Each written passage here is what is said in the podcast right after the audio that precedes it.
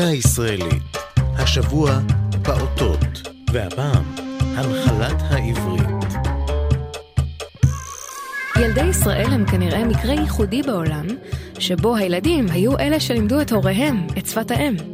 את גן הילדים העברי הראשון הקים ב-1898 בראשון לציון שליח הברון רוטשילד אליהו שייד עם הסופר והמורה דוד יודלוביץ'. באותה תקופה, סוף המאה ה-19, רוב היהודים המבוגרים בארץ ישראל לא דיברו עברית. ואנשי החינוך הבינו שכאשר ילדים ידברו עברית זה עם זה, וכן עם הוריהם, יצליחו להחיות את הלשון.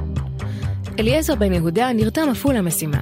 הוא עמד על כך שבבתי הספר ילמדו עברית בעברית, והקים וערך עם יודלוביץ' את עולם קטון, עיתון הילדים הראשון בעברית, בשאיפה לנטוע בלב הילדים חיבה ורוח אמונים לעמם ולארצם, כדבריו. בגני הילדים נרתמה למשימה אסתר שפירא, הגננת העברייה הראשונה, שביקשה להקנות מיומנויות קריאה וכתיבה לילדים.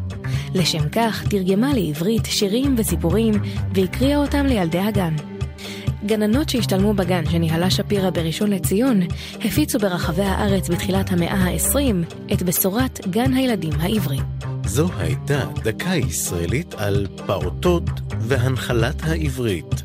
כתבה אופק רוזנטל, ייעוץ הדוקטור רוביק רוזנטל, עורך ליאור פרידמן.